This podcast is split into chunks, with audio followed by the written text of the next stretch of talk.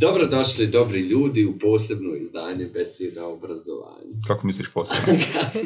ne, obično mi što nismo u istom kadru, ne mogu da te udaram nogom dole. Ja sad kako vidim ovu vrstu razdaljene, nekako mi se čini da ovo prirodna pozicija voditelja. E, da smo... Dakle, da smo ovako odvojeni, da ti sjediš tako na pročelju Nemaš šanse isto kao slika za osnovnu školu, znaš, koju ćeš imati, još mi filodendron pali iza. ovaj, pa nema filodendron, imaš ABC. tamo abcd Da, to vidiš, na slova i sve ostalo možeš naučiti, ali mislim da ti je to dobra pozicija. Šteta što više nemamo, jel, besjeda od narodne sezone i šteta što Evo, sigurno neće biti ovdje. Gošće to prvi put saznaju, uglavnom a, gošće su a, večeras, dakle imamo trio fantastiku koji zatvara u potpunosti besede o obrazovanju. Mi se, Nakon evo, njih još imaju samo tri epizode.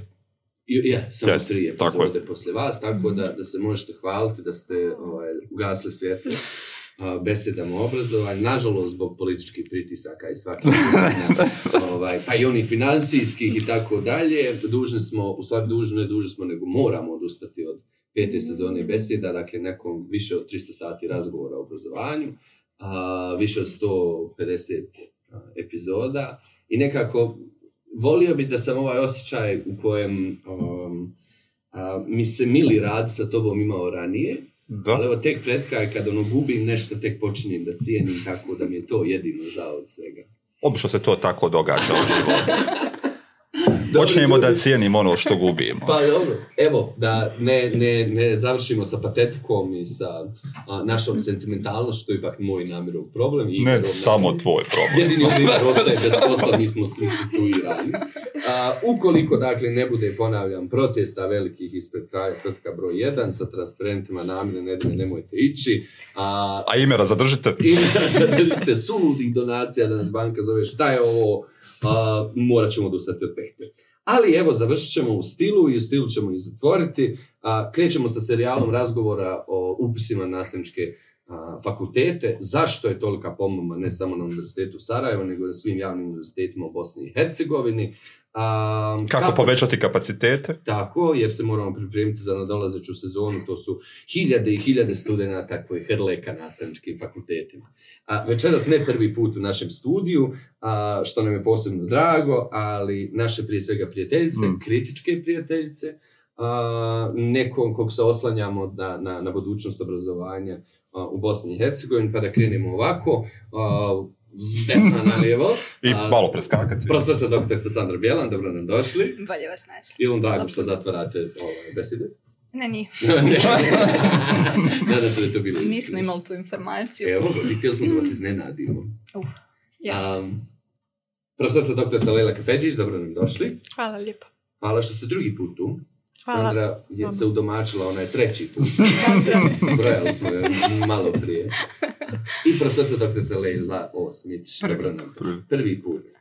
Nadam se ovaj, da ćemo biti ugodno. Ja se nadam. Već da predstavimo o čemu ćemo pričati. A, mhm. nekoliko velikih tema, među kojima su naravno, sad bez šale, upis na nastavničke fakultete, pokušavamo da, da nekako dekonstruiramo a, koji je profil studenta koji upisuje, um, evo sad da ne budemo i negativni, ali da razgovaramo o tome ko su i krivci za, za status nastavničke profesije, sa kojim kompetencijama studenti ulaze, kojim izlaze sa, sa, sa fakulteta. A, govorit ćemo malo i o OECD-ovim preporukama za visoko obrazovanje. nešto kasnije razgovarat ćemo i o uredu za podršku studentima. A, ured je tu, a, tako da mi je jako drago. Jednom smo u zajedničkom projektu i sa, sa također Ministarstvom nauke i mladi kantona Sarajevo, o tome ćemo razgovarati kao i mnogim drugim stvarima, poput obrazovanja za marginalizirane grupe.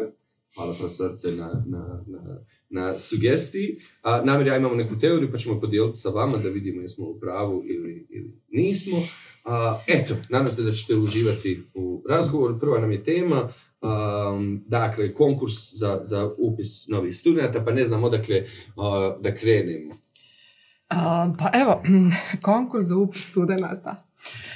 Pa evo, to nam starta u junu. Ja bi govorila možda s pozicije ocijeka za pedagogiju, promovirati ono što mi nudimo. Moram reći da smo do sada zaista ispunjavali svoje upisne kvote, tako da u tom smislu mi nismo Čak smo morali zatvarati jel, vrata ovim hiljadama studenata na dolazećim. Um, ove godine evo, također uh, upisujemo jedan značajan broj studenata, nadamo se evo, istom takvom odzivu. Um, kad govorimo o odsjeku za pedagogiju, mi imamo dva studijska programa, imamo uh, pedagogiju i specijalnu pedagogiju, čime smo naš studij učinili još atraktivnijim s obzirom na potrebe jel, za izučavanje specijalne pedagogije. Uh, dvopredmetni studij i evo to se nastavlja i proteže kroz prvi i drugi ciklus. Tako da u tom smislu negdje interesantni smo, zanimljivi i sad o selekciji bi se dalo govoriti studenta koji nam dolaze um, zato što čini mi se da su nam tu dosta svezane i ruke kada govorimo o mhm. selekciji, o prijemnim ispitima koji nam nisu negdje dozvoljeni tako dalje i tako dalje. Jel. Um, Evo, to, je, je univerzitetska odluka, je li tako? Ili fakultetska? fakultetska, fakultetska. Nama se čini i naša praksa pokazuje da smo svoje vremeno i kada smo prijemne ispite imali, uistinu imali bolje kandidate. Dakle, za sada je to na neki način obustavljeno i jednostavno pravimo rang onoga što nam pristiže.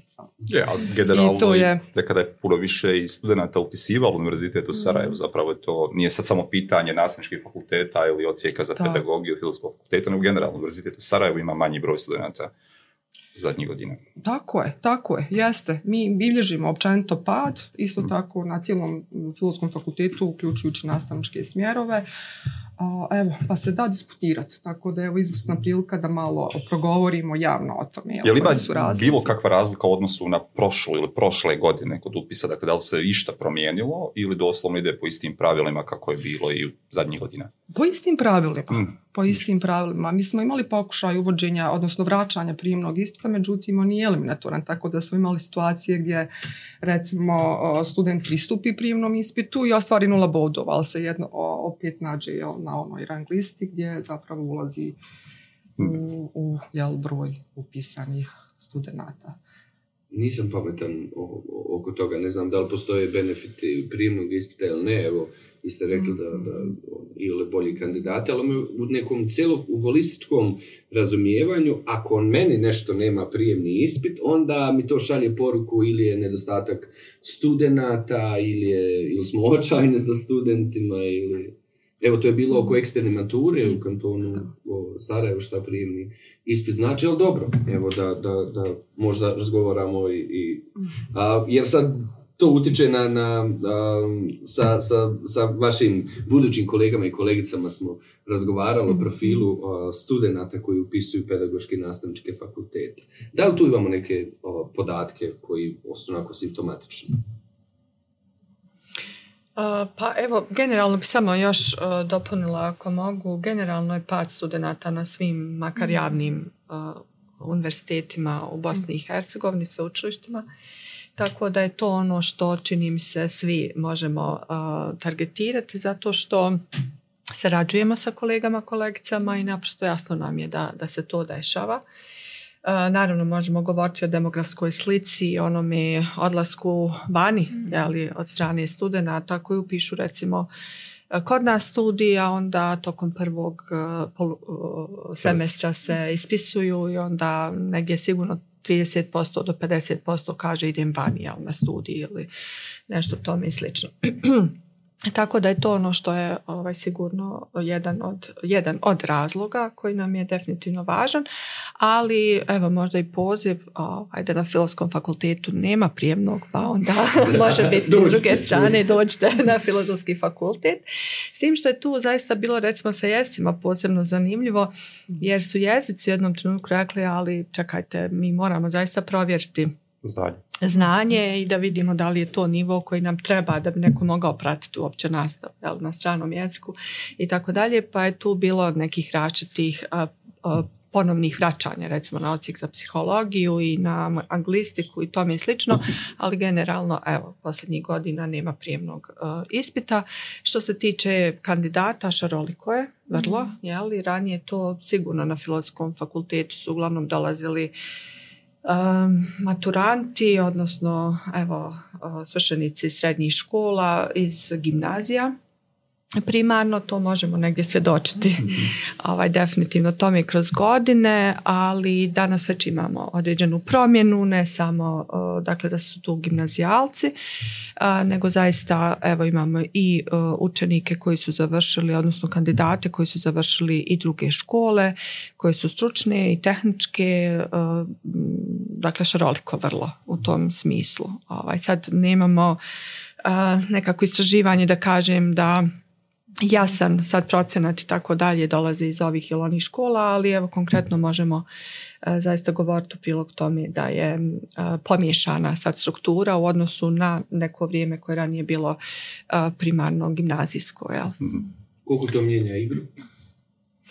Pa sigurno da da, posebno u odnosu na ove ulazne kompetencije koje se ovaj, mhm. negdje spomenuo i a, negdje kad je Lila spominjala jedna i druga prijemni ispit, u stvari on je negdje nužan prediktor uspjeha. Negdje se nama pokazalo da je recimo motivacija tu imala mhm. više ovaj, utjecaja, da smo imali studente mhm. jel, koji su dolazili sa sjajnim ocjenama, gimnazijalci, a da onda zapravo zbog motivacije koja je tako mijenjala, fluktuirala, opadala, u stvari da nisu dolazili do, do kraja. Izvrsne kandidate koji dan danas nisu brali mm. svoje završne radove, zbog nekih okolnosti, zbog možda evo nekih drugih ovaj, njihovih interesovanja, tako da evo nužno nije čak ni to bilo ovaj ključni faktor, a i njihova se motivacija mijenja iz dana u dan kao i naša, jel, u, u konačnici nekako u jednom trenutku hoće mogu, žele, u sljedećem trenutku ne vide smisao, onda sutra dan opet malo na nastavi kad ih potaknemo, onda kaže joj pa da, može, može, onda za tri dana opet kažemo opet ih valja čupati iz neke, tako da sve stvarno utiče, nekako je nastava ono um, mjesto u kojem se slivaju stvarno sve, mm. sve okolnosti koje možemo vidjeti, njihove obiteljske prilike i neprilike i društvene prilike i neprilike i evo, osobne, unutarnje, tako da zaista evo baš se nekako ovaj, s time sve češće nosimo, posebno je negdje pandemijsko vrijeme donijelo neke novine u tom smislu, neke okolnosti na koje nismo možda ni mi mm. računali da su tako jak ovaj, faktor utjecaja te stalne nekako promjene, čak nam se činilo u jednom trenutku da su puno nazadovali u tom periodu, ne samo u ovom kontekstu navika nekih njihovih ovaj, dnevnih aktivnosti, nego čak i ono, bilo je rečenica tipa, joj vratili smo se kući, totalno smo u regresiji, sad od nas očekuju neke stvari na koje od kojih smo se bili odvikli. Nisu to više ljudi s kojima smo mi provodili ovaj, tako aktivno mm. vrijeme. Tako da je zaista bilo zanimljivo, evo, za sad promatrati, ovaj, a evo sigurna sam da ćemo ovaj, biti u jednom trenutku u prilici napraviti neko ozbiljnije istraživanje barem kad su pitanje naši studenti upravo evo, šta to ja, sve determinira. Ova posebna motivacija me interesuje. Mislim, evo, barem na, na nivou usmenog vaš neki dojam, šta je to motivacija? O, ključna motivacija koja pravi razliku u tome su to studenti koji su na koncu dobri ili ne dobri studenti ali kvalitetni studenti. Pa rekla bih da je to evo možda ovo njihovo ovaj, htjenje, odnosno opredjeljenost ka profesiji. Da je to nekako, imamo studenta koji dolaze i znaju što žele i onda idu u tom pravcu. Imamo oni, oni koji nisu baš bili sigurni, ali ih je studij, kvalitet studija, evo konkretno ovaj, našeg ocijeka nekako učvrstio u tome da to može biti dobro opredjeljenje za njih, a imamo i onih koji su umeđu vremenu negdje, recimo završe prvi ciklus, ali se ne odluče na drugi ciklus ili odu na neki srodni studij. Ovaj. Tako da evo negdje se zapravo različito je ta motivacija mhm. ovaj, različito je bila usmjerena, a i različito se onda na kraju i manifestirala. Ovaj, tako da, evo, zaista mhm. nema pravila, nekako mhm. baš, tako. baš nema pravila. A ono možda što bi ovdje dodala samo jeste to da recimo dolazi nam i da kažem djeca kandidati, ali roditelja koji su iz tih područja također, jel, pa dodatno e, sad gledanje profesije svoga roditelja jel, ili e, u stvari literatura koja je bila dostupna također iz e, ovog područja ili recimo pitanje ja sam volontirao, volontirala pa mi se to jako dopalo, jel, sa djecom e, u vrtiću, nekim klubovima i tako dalje. Ili mene jako zanimaju, kaže, obrazovne politike. I onda kad vi to prvi dan na prijemu čujete od nekoga da ga zanima obrazovna politika, jer mi imamo prijem. Ono, ono, dobro. Ali u stvari taj odgovor odskače od onih uobičajenih i odmah se onako ovaj, vi zagledate jel, tu osobu, bez obzira na ovu pomoć koja je ovaj, potrebna, zato što naprosto prvi dan prijemje mi se predstavimo, ali se predstavljaju i studenti nama, studentice. Jel? I onda zašto? Evo upravo ovo pitamo o motivima, otkud oni tu, i između ostalog najviše pa zato što volimo djecu, zato što hoćemo pomoći djeci i tako dalje, ali u stvari shvate kroz studij da je to puno više. i puno drugačije i puno svega. Ili recimo još jedan od motiva koji ispliva a to imam brata ili sestru mhm. e, koji imaju teškoće u razvoju recimo ili mhm. nešto tome i slično. Tako je, pa onda želim da mhm. u tom smislu se ovaj, profiliram, da znam šta ću sutra s tim, ali i tako dalje i sve više nekako i evo naša um, mm, samo nastavnih planova i programa, pa posebno onaj dio kompetencija koje negdje mogu očekivati, pa um, repertoar radnih mjesta nekako se pomjeri od onoga da oni mogu biti školski pedagozi jedino i onda se tu također mhm. negdje evo, ovaj, povećava motivacija kad mi kažemo možete i ovo, možete i ovo, možete i ono, onda naprosto vide evo, da ima prostora i u obrazovnim politikama i ne znam u medijima i u E, nastavnom procesu, naravno i van nastavnom kontekstu, slobodnom vremenu, specijalnoj pedagogiji, medicinskoj pedagogiji, tako da zaista nekako, evo, čini nam se da i to treba eksplicitnije negdje dati kao informaciju u nastavnim planovima i programima jer oni jesu dostupni evo, i na web stranicama i sigurno su to mhm. ne baš kod svih studenta, ali kod većine nekako prvi dokumenti koji otvori kada se žele upoznati sa studijem. Tako da... Evo, zamolit ćemo imera da u, u linku ove emisije.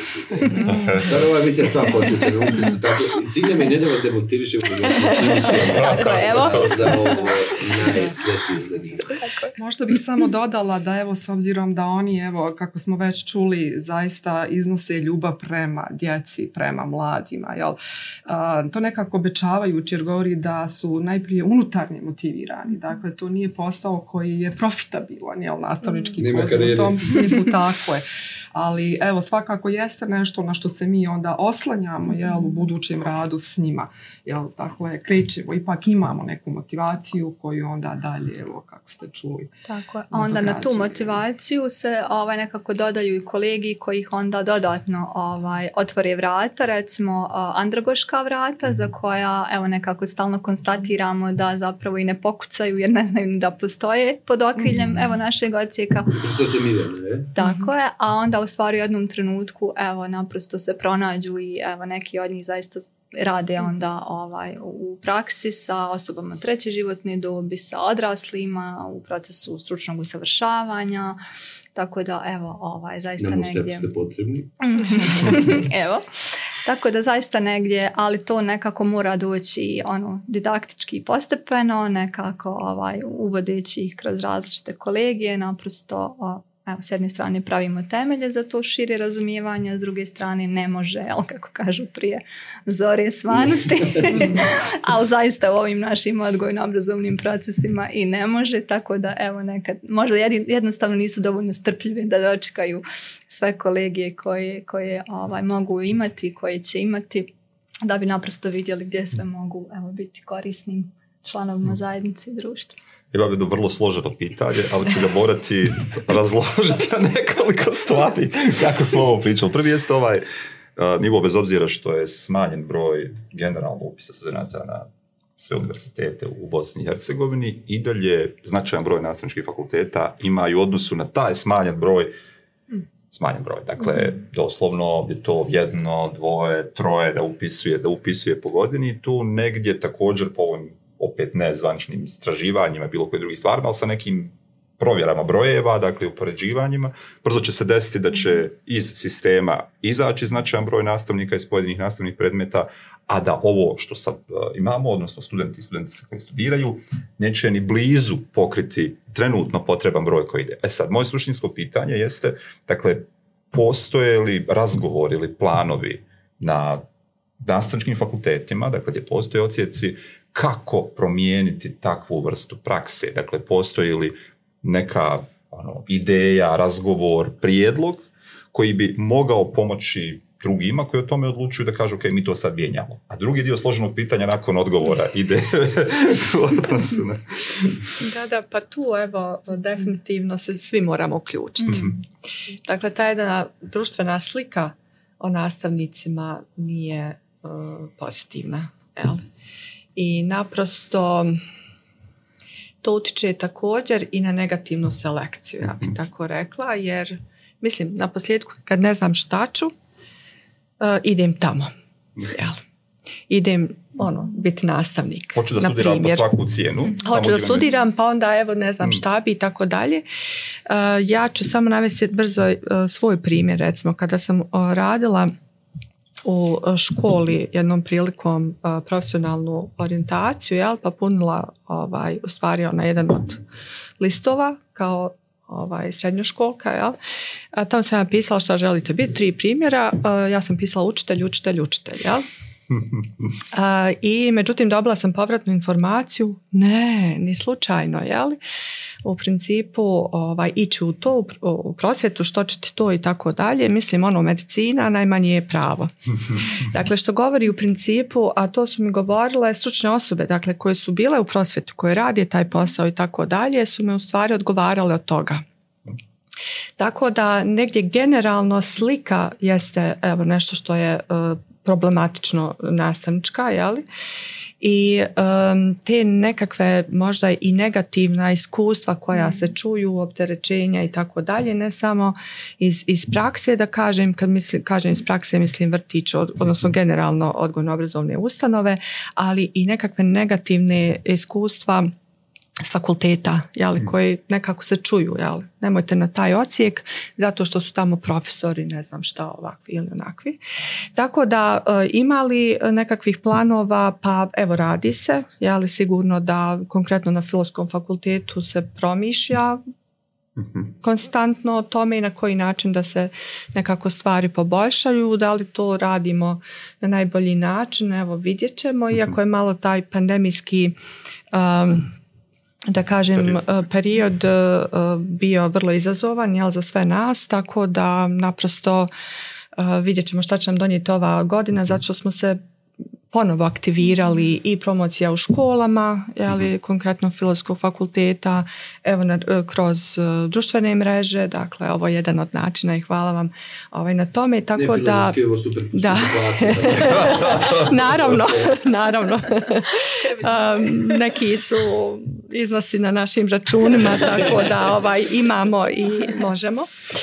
A, tako da želim da kažem da e, je li dovoljno nije, li stihijski često jeste, ali da ima pomaka i da ima aktivnosti, dakle, evo, radi se i treba, treba dakle, otvarati ne samo, o, naravno, rekli smo i ono što jeste upisi, ono što jeste nastavni planovi programe, ali definitivno i ono što je drugi život mm studenata na evo, filoskom fakultetu ili na ocijeku za pedagogiju, a to su i studentske razmjene recimo koje imaju, to su i određeni događaj koje organiziramo zaista i evo odlasi u, taj nešto što jeste praksa mm i organizacija u tom smislu, tako da evo, ne znam, mhm. sigurno će kolekcije dopuniti odgovor, ali e, da možemo bolje i drugačije i mhm. više da.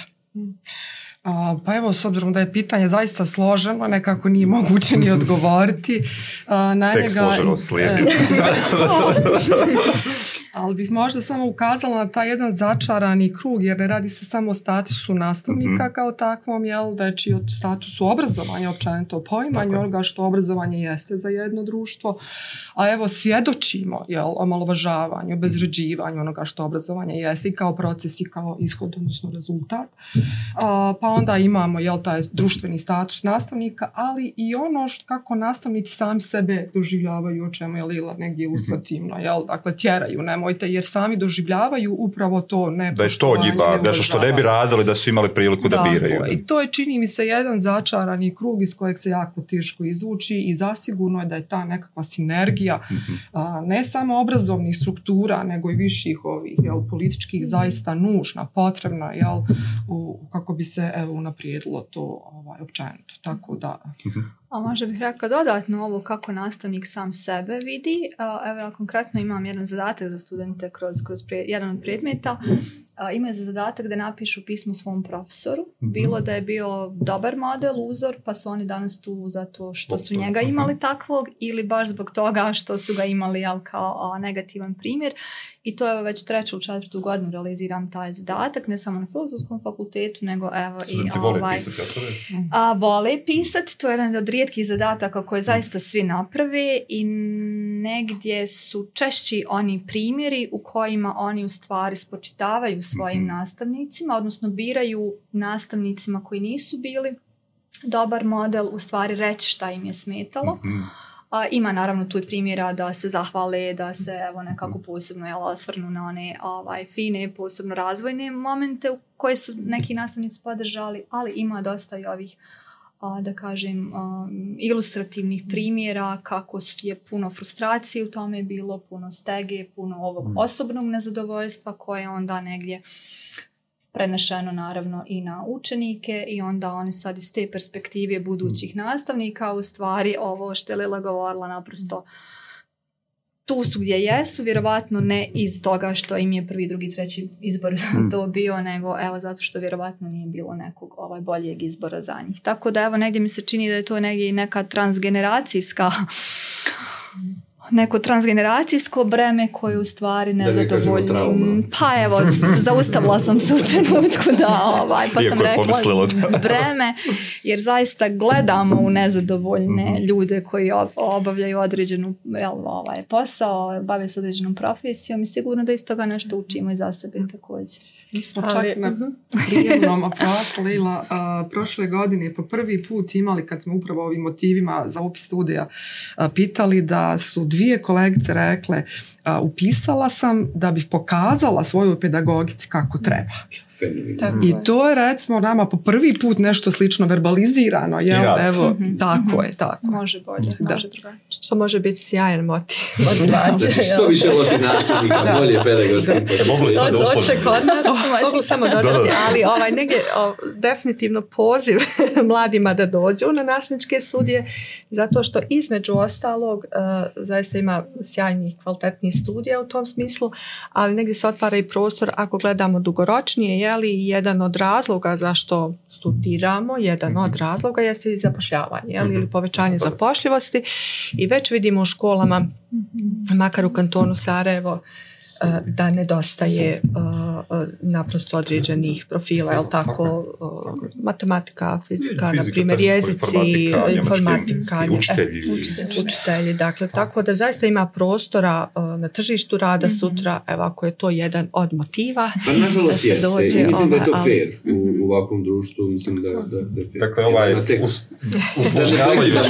dakle, misao malo prije kada ona si govorila o, bez, o tome da je student rekao da se bavi obrazovnom politikom, zato ovaj prvi dio pitanja bio, dakle, za ne bi bilo prirodno da ljudi koji su nadležni da donose odluke o obrazovanju, zapravo ideje za prevazilaženje svih ovih problema koje imamo tu traže u visokoškolskim ustanovama, traže na ocijecima gdje su ljudi koji se bave tim, promišljaju, rade, rade sa studentima i tako dalje, a ne zapravo kao što se ima dojam da su to neki paralelni procesi koji se ono negdje susreću, eventualno razmjenjuju ove studente koji idu da se zaposle ili ono dođu iz obrazovnog sistema na nastavničke studije, ja ne znam, je ono, pojam vaš, ali kod mene doslovno kao da se radi o dva paralelna sistema koja ni na koji način nisu, nisu povezana. To je taj dio složenijeg pitanja. Dakle, je li zaista ovo, obrazovne vlasti se oslanjaju na sva znanja koja imaju na nastavničkim fakultetima? Joker preskoči. prijatelja. Evo tu se Pozivam. Pa mislim, ne znam sad koliko je evo, ovaj, zahvalno govoriti o tome, ali evo ja mogu reći u svoje ime da imam taj isti mhm. dojam, odnosno da smo doživljavale to slično jel, u različitim nekim procesima.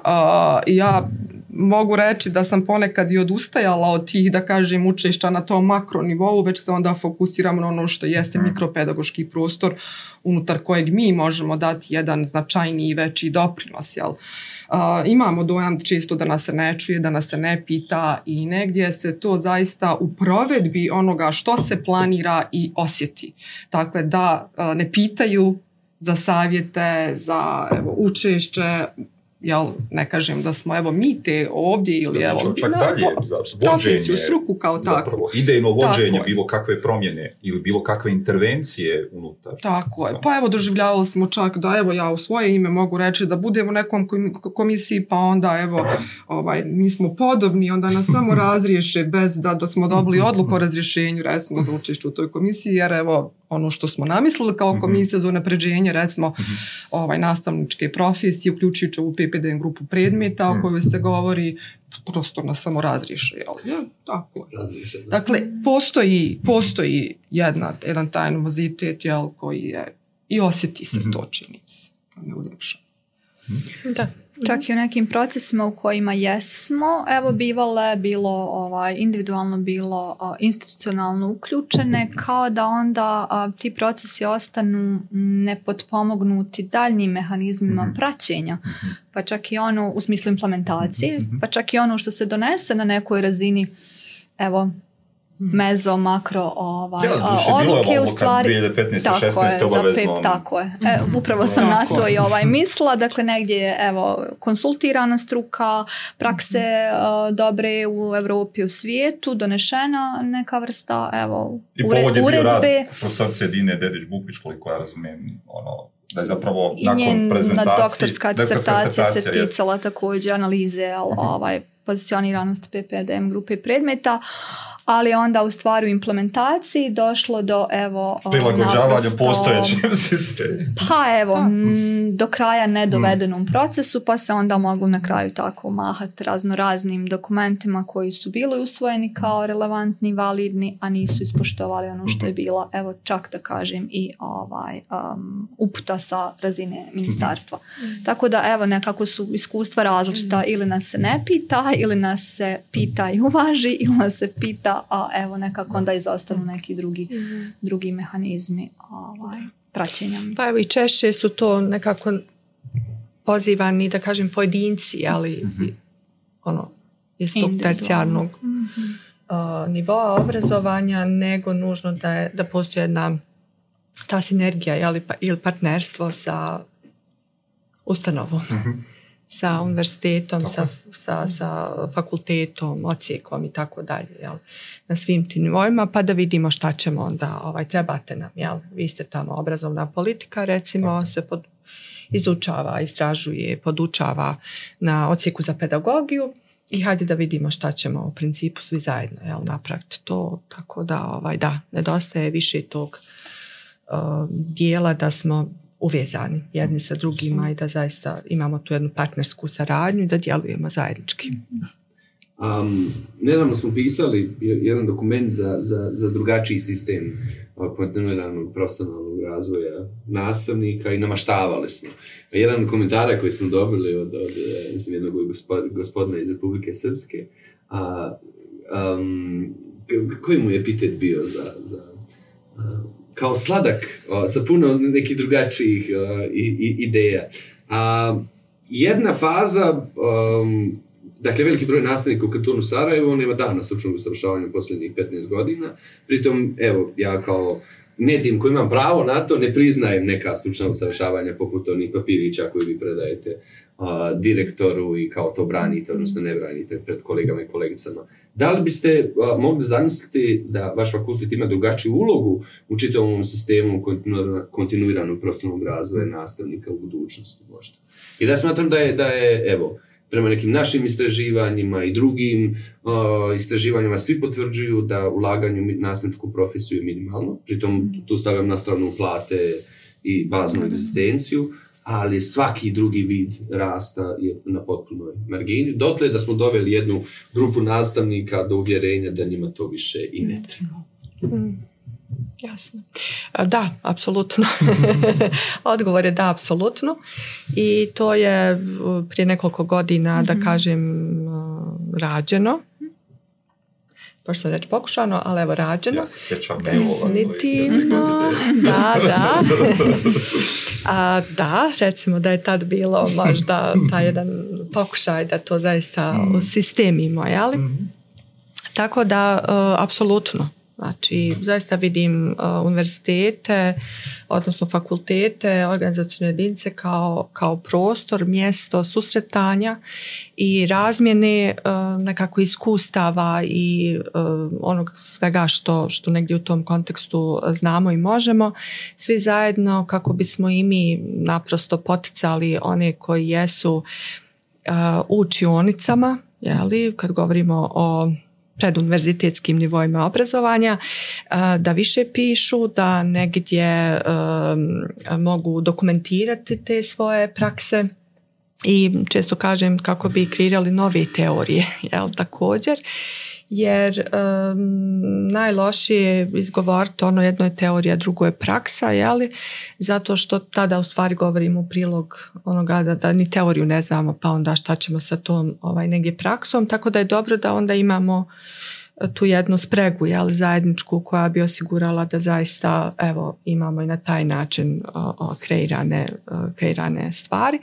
Ali e, e, dakle pokazali smo kroz te dvije ili tri godine da je to moguće i da je neophodno i samo treba to zaista onako sistemiti, razraditi, napraviti e, dobar model, e, išlo se ka tome, ali evo nekako je došle su i te pandemijske okolnosti i stalo se ovaj, s tim. Dalje se nismo vratili na to, ali ovaj, evo kažem, apsolutno e, odgovor je da mhm. i nužno je, neophodno je da stvari imamo tu tu vrstu Ali u onom trenutku kad institucija i ponudi neku vrstu modaliteta, ja bih opet uvratila nekako priču lopticu na individualnu odgovornost sprem toga jer se evo i u tim situacijama događalo da recimo imamo nastavnike koji su sjajno reagirali na to, bili mm. agilni, dolazili, hoće, čak išli na ove druge nekako da kažem ovaj program mene nužno za svoj predmet nego evo ih i na pedagogiji, evo ih na psihologiji hoće čuti i tako dalje a imali smo i one koji dobacuju kolekciju potpiš me mi odosmo na kafu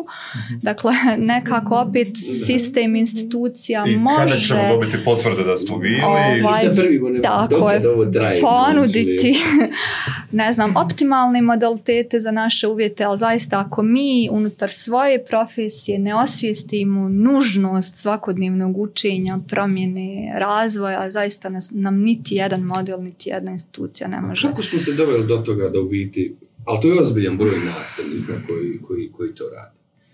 a, ne prisustvuje. Jer ono što mi često spominjemo da je paradoksalno da čak i u nereformiranom ovakvom obrazovanju kako god je, mi imamo sjajne učionce, neke. Ovaj, dakle, to su ljudi izuzeci koji umprko sve plaćaju sebi stručno usavršavanje. Bez obzira validira im se to za napredovanje ili, ili ne. Ali ovo je jedna opasno velika grupacija je ovo, potpiši me, moram li, ima nikakav drugi način da ja to ne. Kako se dovedemo, kako dovedemo takvu jednu profesiju koja je stvorena da uči, a da bojkotuje učenje? Ovo sad idu sve teža i teža pitanja, jel? da. Ne, ovo je bilo te, ovo je sad Ovo je e. pitanje. E, posljednja od tri ovaj, emisije, tako da sad... Dovidimo nikad... sad do kraja, pa kad su nas ugasili neki pa zato što i to, mislim, zaista jako je splet je svih mm. okolnosti, definitivno. Evo, od, od one motivacije malo prije, mm-hmm. zašto biram biti nastavnik, do onoga da, dakle, e, naprosto, mm, dobro, ocjen nije mjerilo znanja, ali nam služi da ipak napravimo određene procjene, da naprosto imamo mi neka iskustva da studenti koji su bili e, kontinuirano nezainteresirani ili su nešto lošije radili i tako dalje, među prvima nađu posao, jeli, onda uđu recimo također u učionce. to se isto dešava. sljedeće što nam je nekako generalno važno, a to je ova odgovornost koju smo malo prije pomenuli, bilo da je ona individualna ili da je društvena, jeli, koji bismo mogli sad ne samo na to, ali naprosto nemam odgovornosti prema onima, prema sebi, prema učenicima, djeci, prema roditeljima, prema onima koji na kraju krajeva jeli, ovaj, izvajaju novce, odnosno evo ti porezki obveznici i tako dalje. Dakle, puno je toga što je, što je u tom smislu uključeno i važno. Um, jedan, jedna od stvari koju čujem, koja isto tako uzrokoma to je um, isto je svima E, radio ili ne radio. Mhm. Dakle, to je jednostavno okruženje stvoreno tako da naprosto, na onaj pojam odradim. Mhm. Dođem i odradim svoj posao ili dođem, kako jedna učiteljica mi jednom rekla, ja utorkom imam samo dva časa, jeli, ovaj, ma ja kao da dođem i uzmem vatre, jel? Dakle, o, da, da. Tako da, da hoću da kažem da zaista je puno isprepleteno tu faktora na koje, koje moramo računati i evo i taj položaj jeli, i ono što jesu nekako zahtjevi. jel to sad i pitanje radnog vremena? ili koja je sad opet tema za sebe, naprosto šta je norma, ovaj, šta, je norma, šta mogu negdje drugo raditi, jel se pripremam ili ne pripremam i tako dalje. Tako da zaista puno je, puno je. Ili eh, neki propisi koji vode ka tome da naprosto ja samim tim što sam pet godina tu recimo mogu dobiti neko zvanje bez da me se ovaj možda provjerava još na neki drugi način i tako dalje. Jel? Da, ja sam pet godina, jel? to je naj, naj, najslađi odgovor, jel? Ovaj, ja imam 20 godina eh, radnog iskustva. To što je tu, tu, tu 19 i ne znam 363. dan isto kao onaj prvi dan, to nema veze, jel, ovaj, i tako dalje. Tako da, evo, prostite, ja odužih, mm. ali samo dopuniti. Pa pitanje u stvari profesionalizacije prosvjetnog poziva. Evo, opet se vraćamo od prijema studenta, selekcije, ovih motiva, inicijalnog obrazovanja, dakle, i to je nekako prostor da razvijamo ove odgovornosti sprem onoga što će i čime će se baviti, jel, dakle, svaki nastavnik jeste odgovoran za buduće generacije, mm. jer to je prosto takav posao. Tako da evo tu negdje valja promišljati jel, cijeli taj krug zatvoriti. Ja bi možda iskoristila priliku da mi ne pobjegne misao.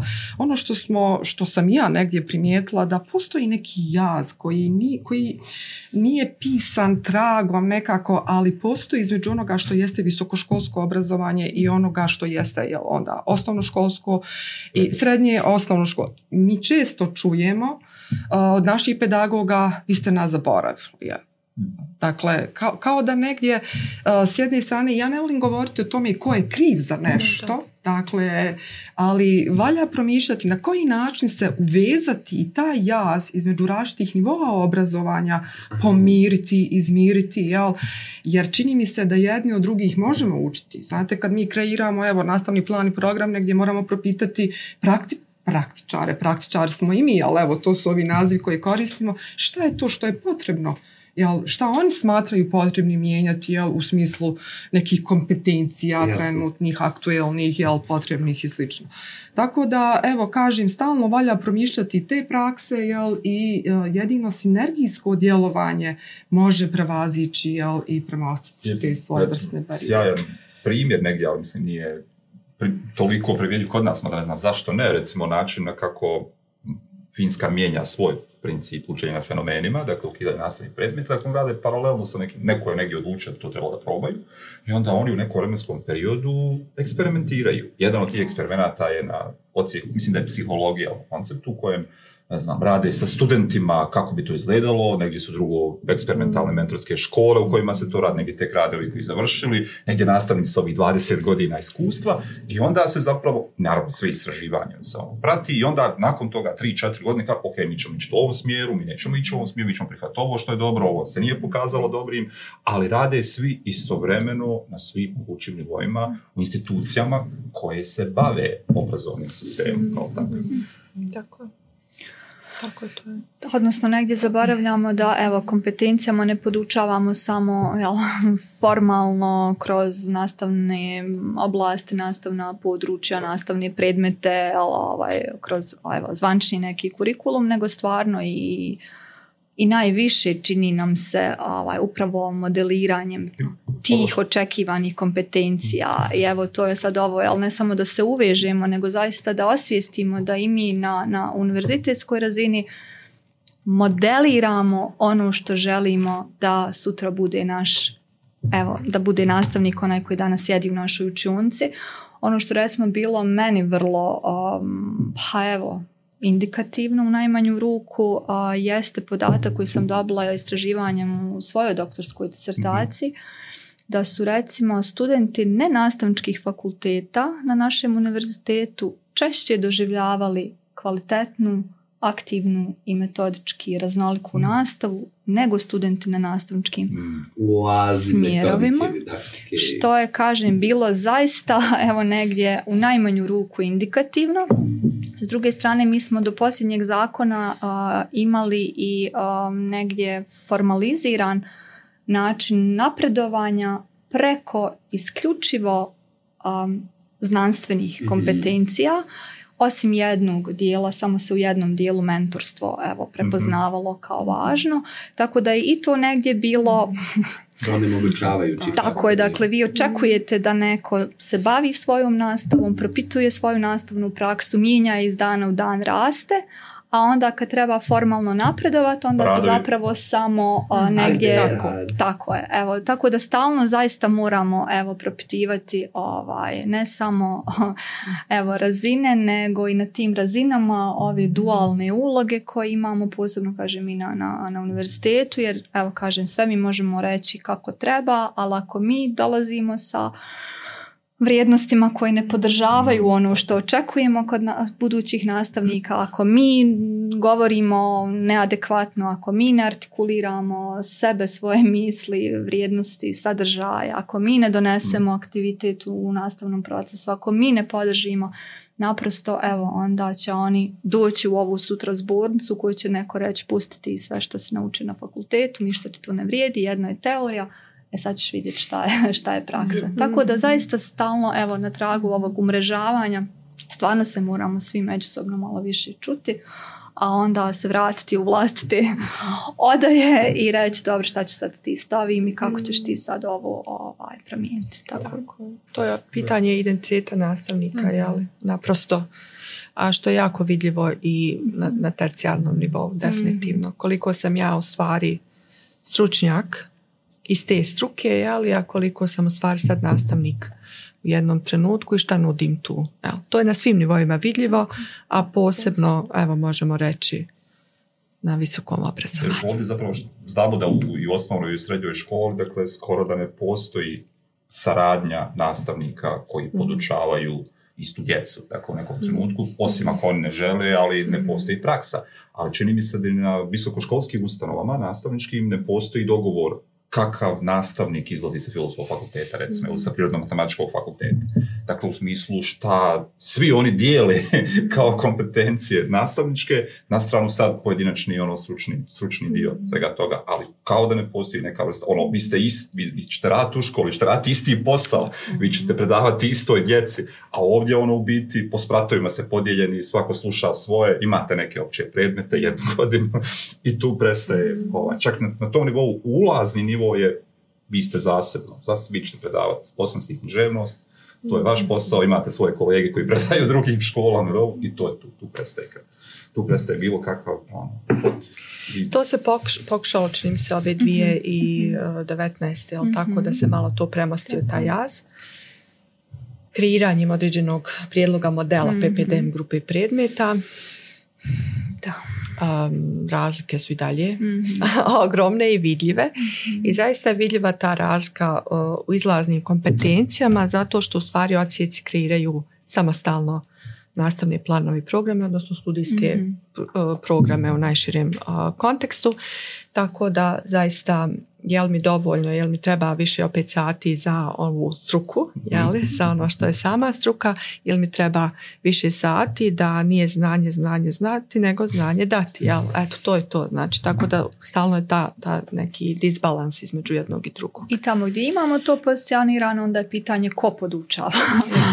dakle, opet negdje ovaj, stalno se vraćamo na osobu nastavnika, na kvalitetu onoga što jeste, evo, nastavnički poziv na bilo kojoj razini to je u najmanju ruku balans. U najmanju. čemu smo rekli, u najmanju ruku balans, ali ja uvijek navijam za, za, za osobu koja unese vedrinu, znatiželju,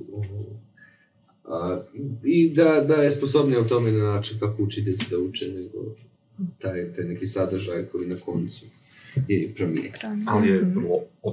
ozbiljna kompetencija znati kako tako, naučiti nekoga da uči. Tako, ali mi još ova infantilizacija, kad u stvari čak su skovali termin, zove se pedagogizacija.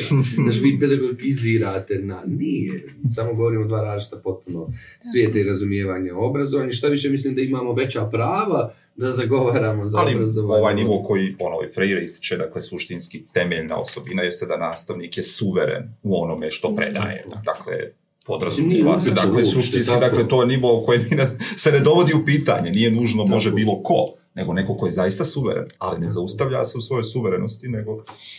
Ne, sjećam se, čak i pokojna rada jednoj je posljednjih prezentacija, um, kad je nešto sa studentima pričala i zadnji slajd je ostavilo, nažalost, pored svega ovog što sam rekla, morate uzeti stvar u svoje ruke jer se neke stvari zadugo neće promijeniti i nekako evo apelujem i na buduće studente ne samo o, nastavničkih fakulteta, pedagogije, učiteljski i svi drugi, da ima ona negdje da je odgovornosti na onom ko, ko, ko uči.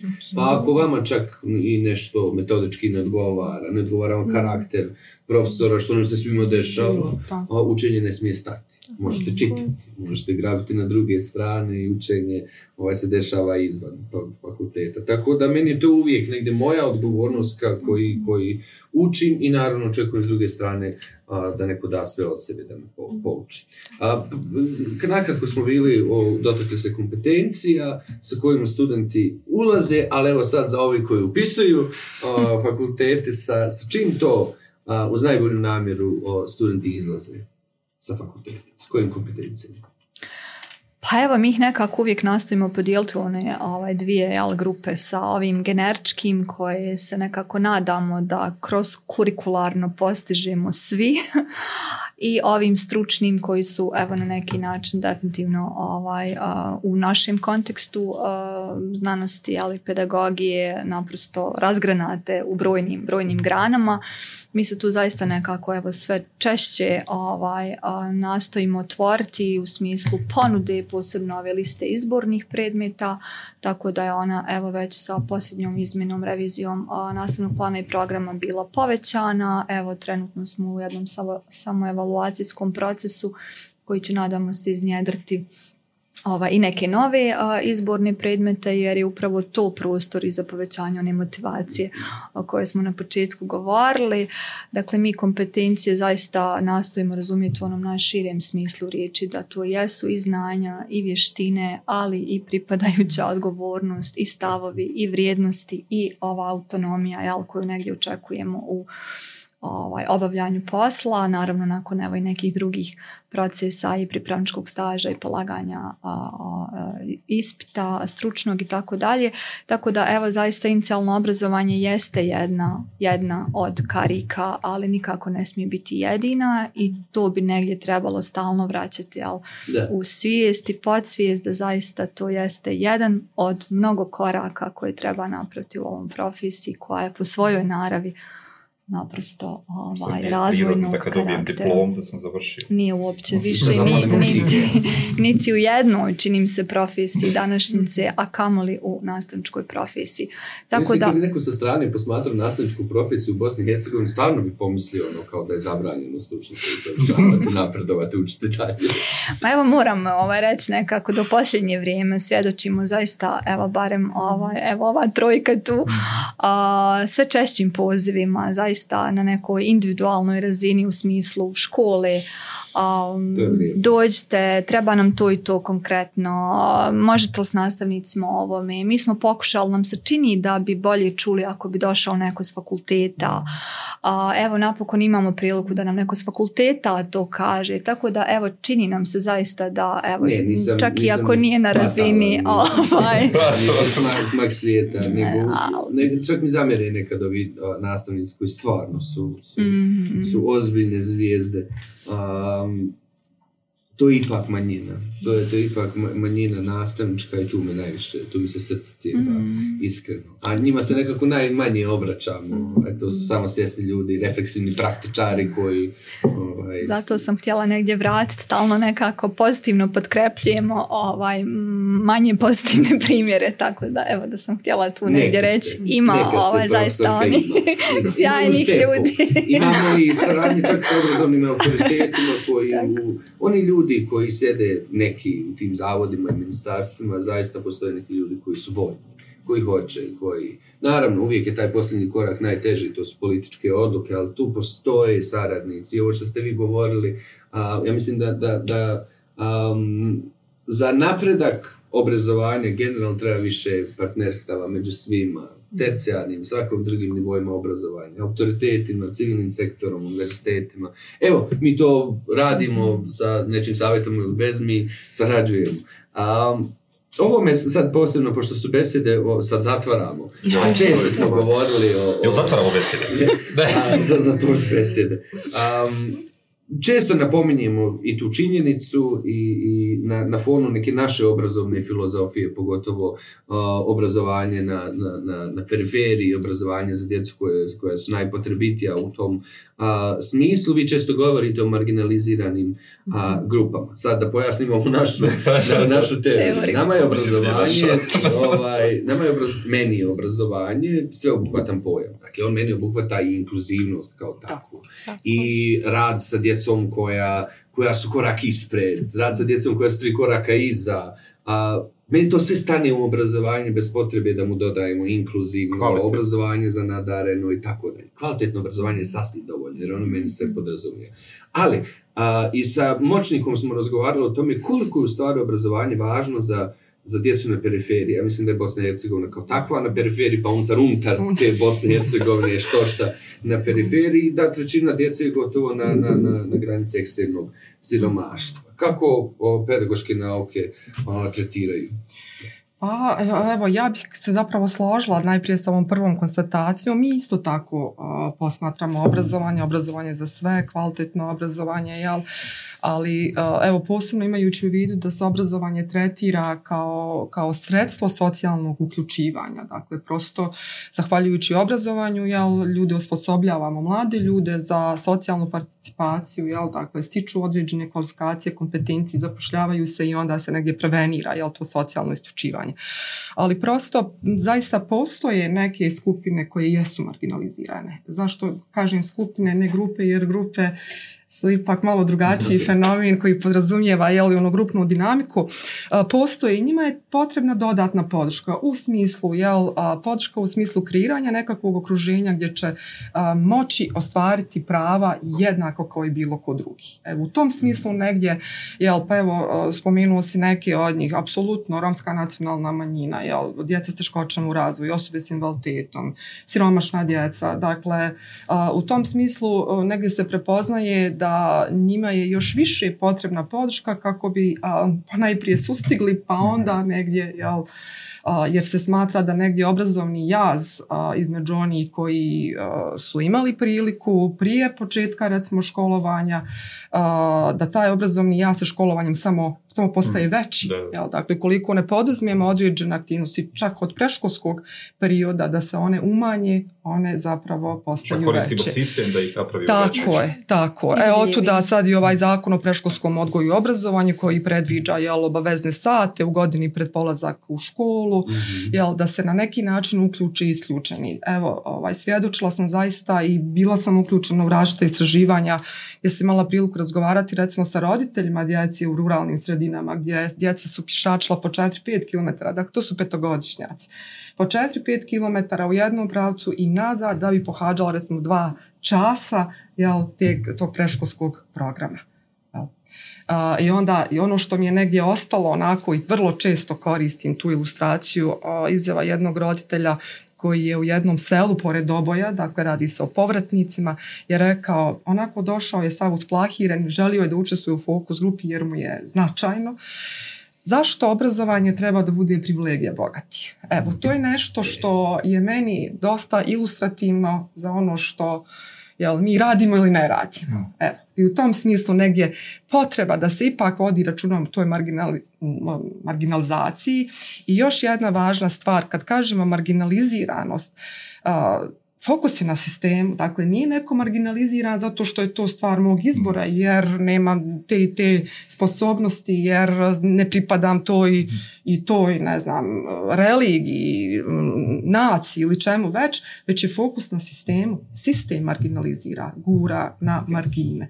je društvo, sistem, tako je.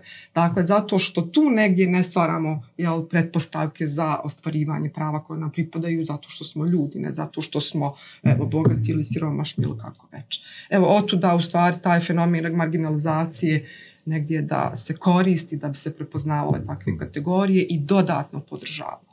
Čak imate predmet na prvoj godini pedagogije koji se zove uh, pravo na, kako, imamo to pravo djeteta i obrazovno pravo, imamo i obrazovanje i socijalne isključenosti, u stvari je to ispreptanje. Jel? govorimo mnogo o tome koliko je obrazovanje važno za socijalno uključivanje jel? i šta je na nama kao dijelom sistema jel? Da, da poduprijemo to uključivanje. Jel? Dakle, mi govorimo tu s jedne strane o sistemskom ostvarivanju prava gdje smo mi hmm. obavezni poduprijeti to i s druge strane jel, onaj individualni lični gdje osnažujemo one koji se uključuju mhm. jel, u, u, u ovaj, obrazovni sistem ili općenito u društvu. Evo a, dobrim dijelom to radimo kroz ured za podršku studentima, o čemu će biti riječi Ulazimo u sedmi sat. Ulazimo u sedmi sat ove besede. Evo Evo sad još jedno individualizirano pitanje. Pa ćemo se vratiti. Pa ćemo se vratiti u redu. A, naša najdraža tema vrijednosti u odgoju i obrazovanju. Um, jeste sretni? ili se plašite. I bazno pitanje kojim vrijednostima obrazovni sistemi, ovakvi kakvi jesu, poučavaju. A, da. Pa vrlo važna tema i negdje važna i zato se na nju ono gledam iz različitih e, svakako nauka, ali to možemo reći, ali e, vrijednosti nam jesu važne zato što čine taj skup jedan nekako onog vjerovanja, stavova, mišljenja onome što jeste dobro, poželjno, što je evo, u tom smislu čemu treba da se da, da, da kreiramo unutar društva kako bismo mogli onda određene stvari jeli, ovaj, da funkcioniše u, u svemu tome. Um, čemu podučavam? Pa slično onome rekla bih onih vrijednostima koje su podučavale i 2017. godine. Ali e, reći ću, evo i rađena su određena istraživanja također i pokazalo se da e, nešto recimo 2010. u, u, jeli, u u susjednoj nam zemlji e, je rađeno istraživanje vrlo zanimljivo gdje se pokazalo da mhm. recimo roditelji i e, adolescenti su bili u uzorku i roditelji njihovi paralelno i da su imali u stvari slične vrijednosti, jeli, ono, zdravlje, sigurnost u obitelji i tako dalje, nekako su jednako bile složene. Međutim, nekoliko godina poslije e, jedno slično istraživanje pokazalo da se već kod mladih mijenjaju ovaj, naprosto vrijednosti i da čak i onome što je društvena moć sad već daju nekakvu veću, veću, poziciju da, da, u odnosu na roditelje ili recimo e, roditeljima i dalje pomaganje nešto što je visoko rangirano, a dok adolescenci, adolescentima je to već bilo na jednom da, da, da, nižem, definitivno nižem nivou i tako dalje. Tako da e, uvijek važna tema zaista i, i sigurno da podučavamo onim temeljnim univerzalnim vrijednostima i slobode ali i, i svega onoga što nam je tu važno ali moram reći sve dok nemamo jednu um, jedan zajednički dogovor šta to a nemamo je li a nemamo koje to vrije, vrijednost u stvari hoćemo da njegujemo imamo problem zato što naprosto tu može onda se desiti da odrasli koji, evo, izdvojit ću odrasle, podučavaju, jeli, e, e, naprosto uzimaju i nekakve svoje vlastite vrijednosti njeguju među djecom koje ne moraju biti ni korektne, da ne kažem loše, jeli, ali nisu uopće nešto čemu bismo trebali ovaj, podučavati djecu. Tako da, kažem, ima, ima sigurno dakle brojne su vrijednosti koje se njeguju uh, u tom smislu, pa evo vrijednosti su povezane kako i sa kritičkim mišljenjem, jel tako, ovaj, to nam je spona apsolutno važna i, i negdje, pa evo i step njeguje to pitanje svakako, ali i u školama se to uh, dešava, ali rekla bi u nedovoljnom i dalje nedovoljnom okviru, jeli, e, kako bismo mogli onda e, i te vrijednosti da znamo da, da, da ih jednostavno e, na pravi način njegujemo i promoviramo i u konačnici imamo kao sami, sami rezultat. A znamo da su nam te prve godine najvažnije, jel da predškolstvo, pa onda i osnovna škola i tako dalje, to ne znači da odrasli također ne mogu sebe mijenjati, ali to je ipak nešto malo teže i nešto malo drugačije. Pokazalo se isto tako da recimo odrasli koji nisu imali to okruženje koje je bilo u tom smislu podržavajuće, ali kad govorimo o vrijednostima, u stvari su imali lošije rezultate i nekakve svoje postignuća koja su konačnici Kad kažem postignuća, ne mislim isključivo na akademska, nego u najširim najširijem kontekstu. Tako da je priča o vrijednostima vrlo ovako široka, sveobuhvatna, e, možemo zaključiti sigurno i roditelji i e, odgajatelji i nastavnici, pedagozi i tako dalje njeguju e, odgovarajuće vrijednosti, ali i dalje ostaje to zamagljeno zato što imamo puno ovog individualnog utjecaja koji ne mora uvijek dati dobre rezultate. Mi kad smo ispitivali nastavnike prije nego što ćemo razviti program škole, vrijednosti, jedna od stvari koju smo dobili, koja je onako poprilično zapajna, mi nikad ne razgovaramo o vrijednosti. Mm. Pritom ja mislim da je to iluzija. O vrijednostima se uvijek razgovara mm. na, ovaj, na onaj način, ali eksplicitno na tom nivou. Prvo, mm. sa, među svojim kolegama i kolegicama, pa onda sa djecom, to, to nas je poprilično mm. iznenadilo. Ili onda kad se to traži kao moralna lekcija, ili u fazama moralnog razvoja, mhm. ali vrlo partikularno, mhm. selektivno. društvu, u društvu se da vidi najviše kroz medije različite mm-hmm. zapravo ta sukob. On se uvijek događa i najžešći sukob oko vrijednosti. Mm-hmm. To je mhm. temelj odvijek. I tu je ono pokazatelj zapravo da škole nije... A tu se ja i bojim nekako... ovog o čemu profesorca Lela govori o tom temeljnom društvenom dogovoru kojem treba prethoditi prvo kako obrazovanje želimo, školu, da. i tako dalje. Ali prije, te relativizacije vrijednosti uvijek se možemo vratiti onim univerzalnim vrijednostima. Pravda, ljepota, dobrota, svetost. Dakle, to su neke univerzalne vrijednosti gdje god asmo, šta god asmo i one bi negdje trebale... ako bi temeljni društveni dogovor sad u ovom kontekstu društvenog razvoja, ja se bojim tog dogovora.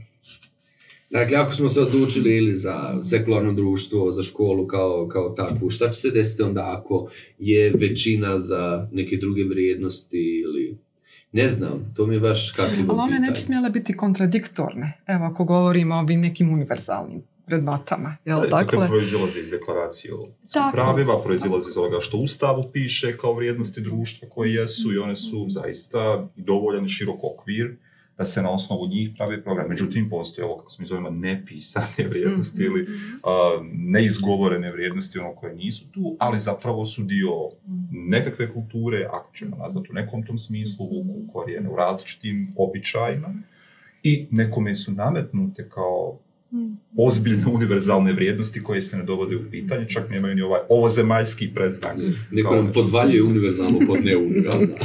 Mi često govorimo u stvari o inkluzivnim vrijednostima koje se upravo temelje na poštivanju različitosti, na međusobnom uvažavanju, razumijevanju, jel, uvažavanju prava. Mhm. E, evo, to je nekako... Ne, to Se, da, mi to razgovaramo o dogmama, o inkluzivnim dogmama. Ah. Ovaj, kao, a vi, vi ovaj, govorite protiv ove dogme ili one. Ne, rekao i mi imamo svoju dogmu. Mislim da svaki ima svoju, samo moja je inkluzivna, tvoja nije. Ali da, recimo da. zanimljivo da ljudi koji jesu inkluzivni od onih koji su to manji, recimo češće propituju svoju praksu za razliku od onih mhm. koji, evo to se recimo pokazalo na brojnim našim seminarima gdje nam recimo mhm. priđu nastavnici koji rade inkluzivnije mhm. prakse, propitujući stidljivo, bojažljivo je li to, a ovi naprosto tako je, baš smo nedavno na jednom takvom imali ovaj, evo nastavnika koji nije htio sa časa udaljavati djevojčicu koja je sebi trebala dati inzulin, jer je to radila druga nastavnica ovaj, u istom odjeljenju, ona je dakle udalji, ona to završi, pošalje mami poruku i kad sve to obavi, onda se vrati u učionicu. A onda je on stidljivo prišao i rekao, ali ja radim potpuno suprotno. Ja želim da je ona tu, ja želim da je ona pod mojim nadzorom, šta ako se nešto dogodi, ja želim da druga djeca vide šta je, da, da, da proces, ja želim da provjerim je li ona poslala mami poruku, kako će se osjećati, ja i onda on prilazi s pitanjem jel radi dobro, ona je suverena u, svom, ovaj, u svojoj odluci.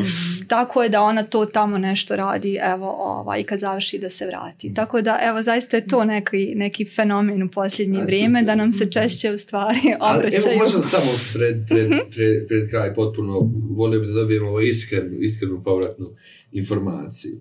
A, jesmo li kao što smo popularni u tome da svaku dobru inicijativu na kraju izvrgnemo i postane spuka suprotnost sama sebi. Jesmo li se negdje, uh, ok, da pitam. možda malo pogrešili sa interpretacijom, odnosno načinom koji se manifestiralo ovo kroz mobilne timove i asistente u nastavi. A jesi zaokružio. Jesam kolega, kolega ovo može proći? A, mobilni timovi, timovi. asistenti. šta je to? A, šta je to, da. A, da, i potpuno iskreno, kao da do sad nije bilo. Da. Otkud ovaj poziv na iskreno? Ali onog trenutka kad postanu nastavnicima imat ću i evo podršku u ovaj asistenata, odnosno mobilnog stručnog tima. Pa eh, da, model eh, mobilnog stručnog tima je stenata u nastavi još se gradi, jeli? još smo u nekim ovaj, fazama razvoja. Ali da, nažalost, negdje e, pomalo već se vidi te naznake da svaka dobra ideja može postati i svoja suprotnost, ali u nekim svojim ovaj, elementima zaista zato što jasno je otkud je to sve skupa došlo, jeli, da, da, da imamo tu jednu reći ću slobodno naviku ili očekivanje e, da recimo kad govorimo o asistentima, asistenti su nekada bili najbliža rodbina ali djeteta, recimo ono neko prvo vrijeme. To je praksa bila relativno kratko, ali bila je prisutna i onda je naravno ta osoba sjedla pored svog sina, kćerke, unuka i tako dalje i to je bilo, da kažem, evo, da drži nauku. Da drži nauku, bude podrška i tako dalje. Nakon toga je došlo plaćanje od strane recimo nevladinog sektora ili roditelja, roditelja samih i onda kad se to desilo, onda jednostavno su roditelji željeli ja plaćam za tu osobu i želim da sjedi pored mog djeteta, jel? E, u stvari kada je to su preuzeli da rade oni koji trebaju da rade, li, a, dakle da plaćaju asistente i tako dalje, nastavila se ta praksa naprosto, odnosno očekivanje da sad asistent i dalje treba da sjedi pored djeteta, isključivo pored djeteta, što u principu naša stalna intencija jeste i nekako iskustva i tako dalje, mhm. ono što možemo vidjeti negdje drugo, jeste da e, je asistent e, još jedna odrasla osoba u učionci i da je on podrška svima jel podrška svim učenicima i podrška u stvari nastavniku još uvijek ne možemo da, da, da, razvijemo tu jedan, taj jedan koncept, li iako se ide ka tome, zato što na ovaj način koji trenutno nudimo to je ponovno isključivanje. Jel? To je ponovno segregacija koju pravimo sad učionci. li koju imamo i koju nazivamo e, inkluzivnom, šta god misla o tom pojmu, Uh, zato što ga razumijevam vrlo široko i mislim da, da je svaka naša učionica inkluzivna, jel? iz nekog razloga, ako njegu je sad pitanje inkluzivnosti i tako dalje. Ali ako ćemo sve na ovaj užo, uže razumijevanje, onda zaista e, radimo suprotno i to je ovo na tragu onoga da, da u stvari napravimo suprotno od onoga kako bi, kako bi definitivno trebalo to sve skupa da, izgleda u, samoj učionci i nekakva je, oprostite na izraz, pomama za asistentima velika. Samo ono, nama treba još asistenata. Dobro, mi imamo pet, ali dajte nam još barem pet, jel? Ili mi imamo tri, ja ili dajte reći, tako dalje.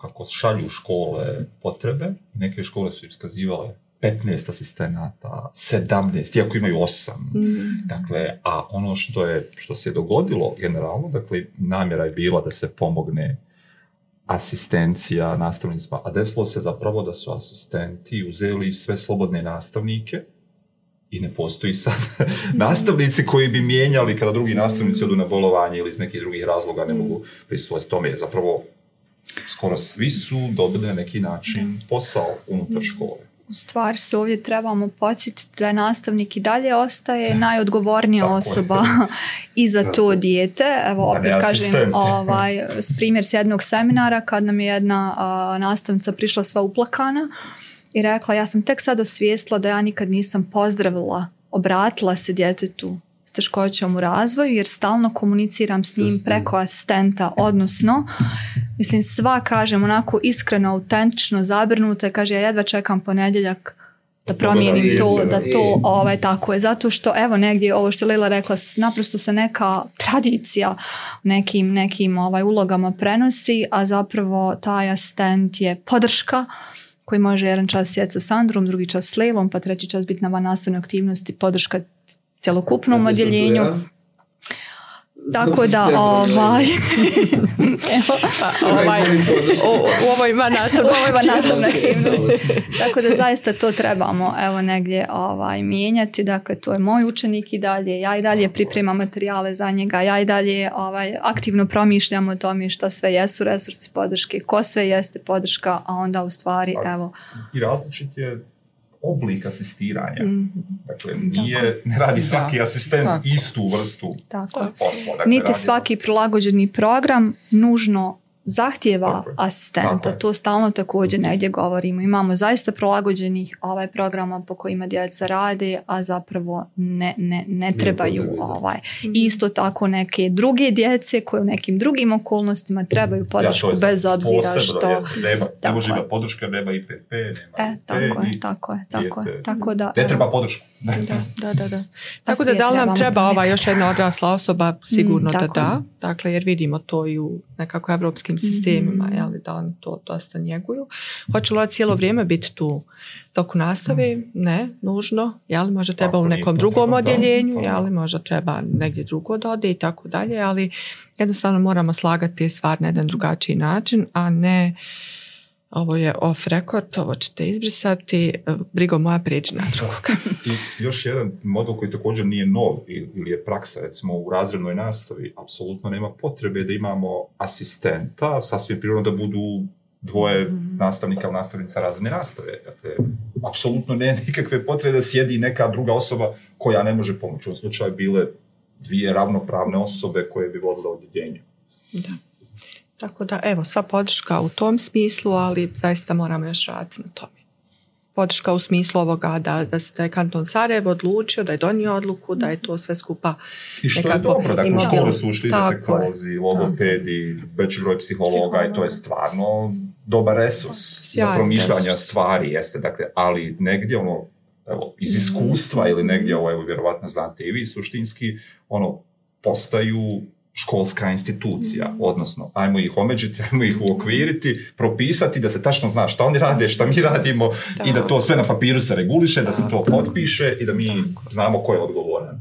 Ili ko je neodgovoran. I koga ćemo zvati na tu mhm. odgovornost. Tako da i mobilni stručni timove apsolutno pozvani, potrebni, ali da zaista imamo tu kontakt kontekstualnu procjenu tamo gdje dijete jeste, na malom odmoru, na velikom odmoru, na, na nastavi i tako dalje, da ne mora ići nigdje van, van svega toga, ali i pola sata ili sat.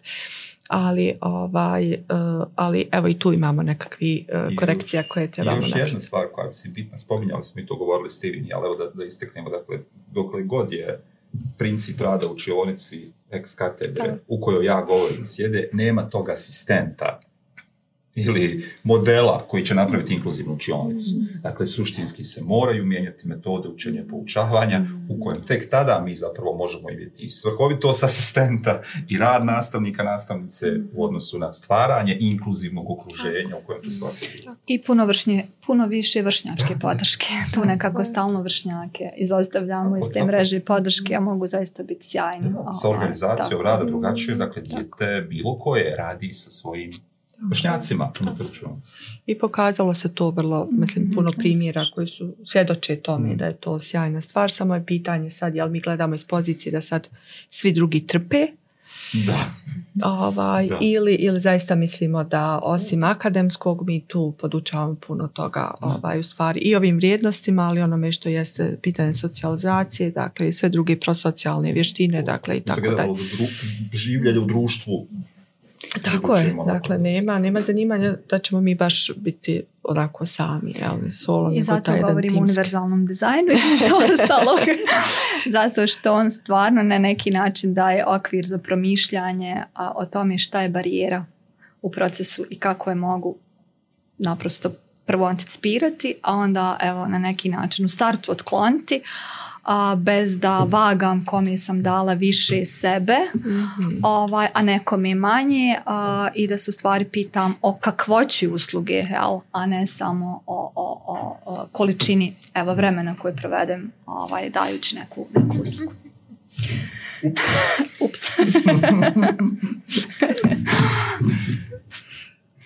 slavo pa slavo ili da slavkamo ja ili posebna, posebna emisija.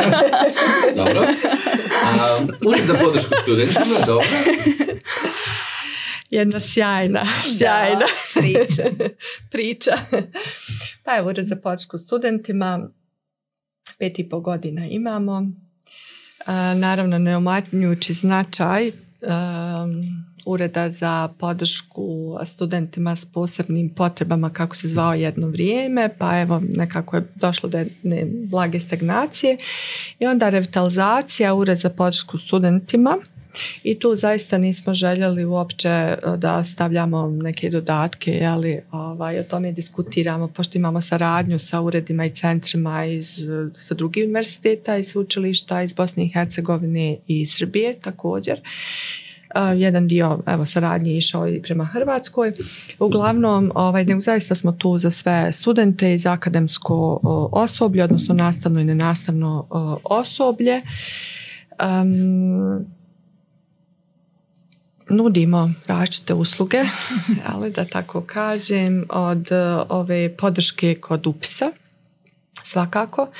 E, također dio koji se odnosi na nekakvu pravnu pomoć, psihološku podršku i e, Tu imamo i partnere jel, sa kojima radimo tako da, da možemo dati onako malo jednu širu podršku i to se pokazalo posebno u ovom pandemijskom ovaj, periodu da je bila velika potreba i sad post pandemijskom. E, također istražujemo, ali dajemo uvijek nekako i komentarje komentare, odnosno sudjelujemo u kada je javna rasprava, a donosi se neki dokumenti, ali važni za visoko obrazovanje, uključimo se sa nekim našim e, komentarima, informiramo studente o raznim temama, obrazujemo ih, e, dakle kad govorimo o ovom neformalnom dijelu i svakako informalnom, jeli, e, i ne samo studente, nego i akademsko osoblje, također realiziramo različite aktivnosti, projekte Dakle, vrlo kod nas e, živo. sa sam puno htjela reći, nudimo život izvan ECTS, odnosno onoga što jesu formalni programi. Jel to ulazi 40 u ne, naravno. da, to je ono 60 plus. Tako da, ovaj, da, ovaj, imamo tri uposlenice eh, vančno eh, koje radi u uredu, jeli? a eh, nas pet smo stručni tim, nas pet koji dolazimo sa odsjeka za pedagogiju i e, na četiri pedagoginje i jedna psihologinja s nama također, tako da evo sve što možemo napraviti u tom e, krugu napravimo, ono što ne možemo e, imamo partnere dakle sa kojima sarađujemo, kako sam rekla to je uglavnom e, i vladin i vladin sektor jedan od partnera jeste step by step. Ovaj, ne, znam ko, ne znam ko je to, ali evo su mi došapnuli da ovaj, to kažem, tako da sarađujemo sa poročnim savjetovalištem, također evo, Krila Nade, također um, UNICEF, da, partnerstvo, CRS. evo i tako dalje, tako da ovaj, zaista se trudimo da nekako taj, taj život učimo i naravno studenti s invaliditetom imamo i poseban odjel koji nekako jest usmjeren ka tome. E, malo prije sam razmišljala o ovim marginaliziranim, ali također e, jedan pojam novi koji se pojavlja, to je kažem nedovoljno zastupljeni. Jel?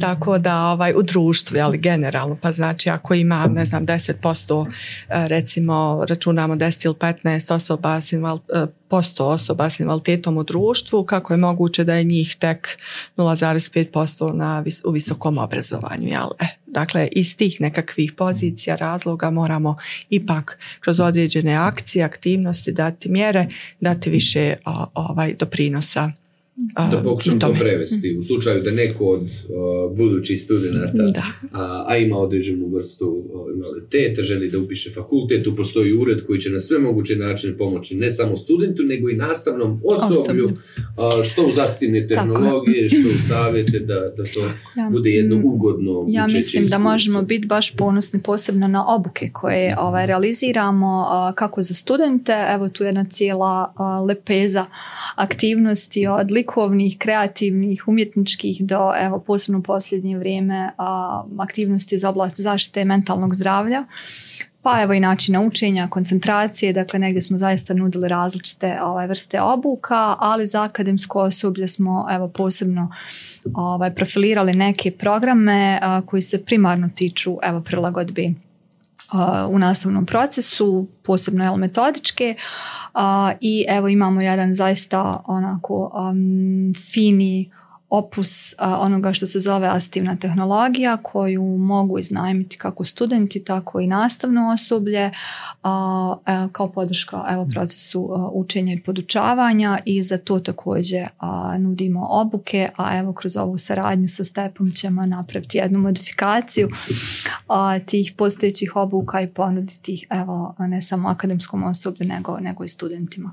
Tako da zaista evo negdje ne samo da govorimo o tome kako kako bi trebalo, nego i zaista nudimo najpraktičnije moguće primjere, savjete kako u stvari prilagoditi nastavni proces različitim evo, prilikama i ono što smo negdje pokušali također uspostaviti jeste jedna mreža akademskog osoblja koja evo na poseban način unutar grupacija na univerzitetu primarno evo pruža podršku u tom kontekstu, pa smo imali sjajne prilike a, recimo čuti primjere posebno sa, iz konteksta prijemnih ispita, da su onda te osobe prepoznate kao one koje se zovu i kažu e kako ćemo sad prilagoditi fond, kako ćemo sad napraviti.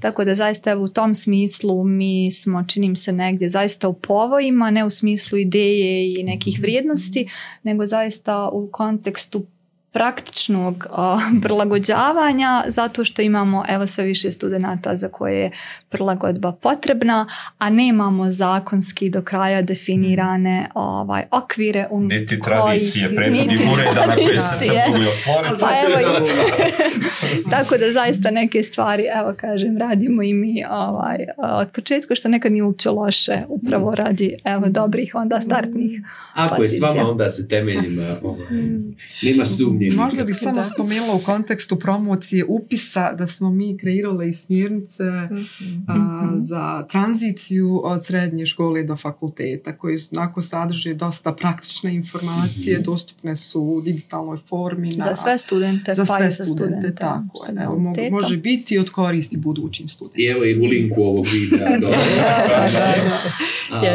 A evo prilika, jedan od odjela ureda jeste i odjel za karijerno savjetovanje, tako da ako ima novim nekih dilema možda šta upisati od svega onoga što univerzitet u Sarajevo nudi. Samo to upisuju. Dakle, samo... Nek naprave sebi podcast o čemu god i nek zovu studente. Mi zovu studente sebi, šta je problem? Tako je, dakle, filozofski fakultet Franje Račkog broj 1. to je ono što je važno, ali mi smo radili jednu kampanju i e, jedna od onako poruka jeste bilo sada možeš e, to je ono poruka studentima u stvari, sa tim smo išli prema srednjim školama i prema svakako školama jeli, ovaj, koje su specijalizirane dodatno da ovaj, kažemo sada ako vas je neko ubijedio do sada kroz vaše obrazovanje da vi to ne možete, mi vam kažemo da možete, pri to imate i podršku. Jel? Tako. Tako da, eto, to, nam je važno. treba da stoji ovako, izvini, zarez, sada može. da. Izvini, da, za, za sve ono što je ono do sad bilo. Tako. Ovaj, Tako Ali radimo na tome. A, konkurs za upis je otvoren. Ok. A, gdje mogu naći, pronaći, gdje mogu naći i pronaći više informacija? www.unsa.ba za početak. Dobro, ali malo sad konkretnije. ff.unsa.ba molim molite, velike slova da piše ff.unsa.ba Molim. Tako imaju sigurno ovaj, informacije padajućem izborniku o svim koji imaju nastavnička usmjerenja, a web stranica jeste prilično bogata evo, sadržajima, samo je treba malo ovaj, mhm. potražiti. Planovi programi su dostupni, tako mhm. da evo, tu sigurno ima dosta informacija koji se tiču posebno ovog izlaznog momenta, jel? Mhm. zato što nastavni planovi programi evo, nužno sadržavaju taj kompetencijski okvir koji negdje ovaj, očekujemo da ćemo razviti ali postići kod studenta, tako da ono što još možemo najaviti jeste evo četvrtak 20. april, mhm. dan otvorenih vrata na Filozofskom fakultetu 10 do 14, tako da to također može biti dobra prilika da se... Evo, direktno se informirati. pozvaniš se Evo, za Moram da vidim kako izgleda tako. Tako na slavu jednom nas pozovu i stali svake godine smo otvoreni vratima filozofije. Evo da vas još malo posaknemo step by step a već dodjeljuje ozbiljne stipendije studentima pedagoških i nastavničkih fakulteta, neki od nas i rade sa nama a, u kancelariji, tako, tako da i sa financijske strane nemate šta brinuti, na vama je samo da upišete. A, ostalo je briga, ostalo je briga. Tako je. financijski da produžimo patnju. A, dobro, ljudi, evo nas u ovom finalnom serijalu Besjeda o obrazovanju, finalnom, ali svi finala. Ovaj, dakle, poslije ovoga nema više finala, nema, nema više ništa. Poslije besjeda nema ni obrazovanja, ni reforme, ni ovog uvezivanja dobrih ljudi. Bila je ovo... Dakle, odjel za psihološku pomoć. E, univerziteta u Sarajevu. Treba će mi, ali ima, u stepu to ima. Ovaj, pogotovo na ovakvim funkcijama su vam potrebne. A, bile izuzetno zadovoljstvo razgovarati sa, sa drugaricama obrazovanja, našim kritičkim prijateljicama. A, nadam se da vam je bilo ugodno prvi put. Bila je to profesorca doktorica Leila Osmić. Hvala što ste bili tu sa nama u besedama. Nadam se da će biti navala na vaše predmete. Profesorca doktorica Leila Kafeđić. Hvala što, evo, žao mi je što će biti posljednji put u besedama, ali hvala na svemu do sad. Ja se nadala trećem pozivu. A, možda. I radujem se da, će budući student imati privilegiju učiti od vas Hvala još jednom. I profesorca doktorica Sandra Bjelan. Evo, posuću vam mikrofon. Ovaj treći poziv samo ako si bila uposlenca ovaj, stepa okay. prije toga. tako da, evo, imala sam tu privilegiju. Tako da, zaista uvijek je zadovoljstvo. Hvala mnogo. Kolega Namir Ibrahimović. I naravno gazda prijatelj, voditelj glavni i sve ostalo, Nedim Krajišnik. Ćao.